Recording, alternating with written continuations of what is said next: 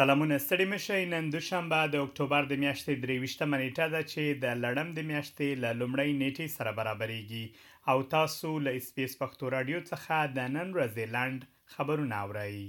د اسټرالیا د دفاع وزیر ریچارډ مارز وايي، فدرال حکومت له نړیوالې ټولنې سره په ګډه کار کوي ترڅو د غزې په تړانګه کې بند پاتې اووه اویا اسټرالیان بېرته خپلو کورونو ته راستانه کړي.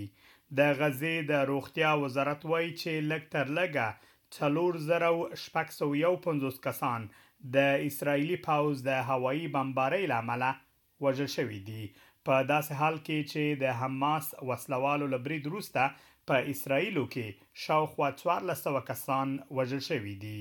د دفاع وزیر مالز په سیمه کې پاتې اسټرالیان هڅوي ترڅو د بشري دهلیز د پرانستلو په صورت کې له مصر سره جنوبي پولې ته نږدې ولاړ شي.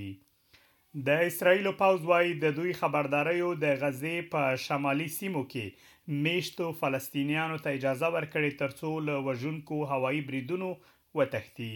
په شمالي غزه کې بمبارۍ په سیمه کې د اسراییلو له ځمکني برید څخه مخکې په شدت سره مخ په زیاتېدو دي. د غزې د روغتیا وزارت وايي چې په غزه کې تر دې دمه شاوخوا څلور زره او شپږ سوه کسان د اسراییلو په برید کې وژل شوي دي.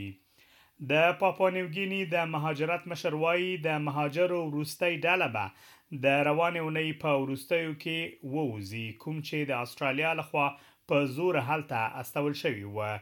ستاین ستانیس هولاهو د اسټرالیا ګارډین ورځپاڼې ته ویلي، چې اوس مهال څلور شپېته کډوال او پناه غوښتونکي په پي این جي کې پاتې دي. ښاغلی هولاهو وايي، اکثریت کډوال او پناه غوښتونکي به په نوي زیلنډ کې مېشت شي، په داسې حال کې چې هغه کسان چې جدي روغتیايي ستونزې لري د طبي درملنې لپاره به اسټرالیا ته راوړل شي.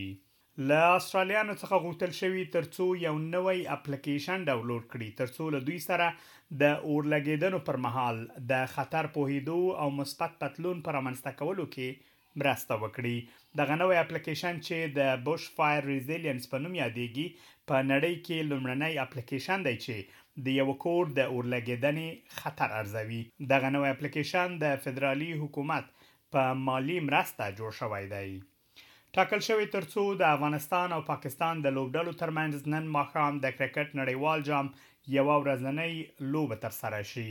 د دوه زره او درې ویشت کال په نړیوال جام کې تر دې دمه افغانستان څلور لوبې ترسره کړي، درې لوبې بایلولي او یوازې یوه لوبه یې له انګلستان څخه ګټلې ده، بلخوا پاکستان له خپلو څلورو لوبو څخه دوه لوبې ګټلي او دوه یې هم بایلولي دي دا وه د نن ورځې لنډ خبرونه چې ما مجب منیب تاسو ته وړاندې کړل تر بیا مو الله مل شه.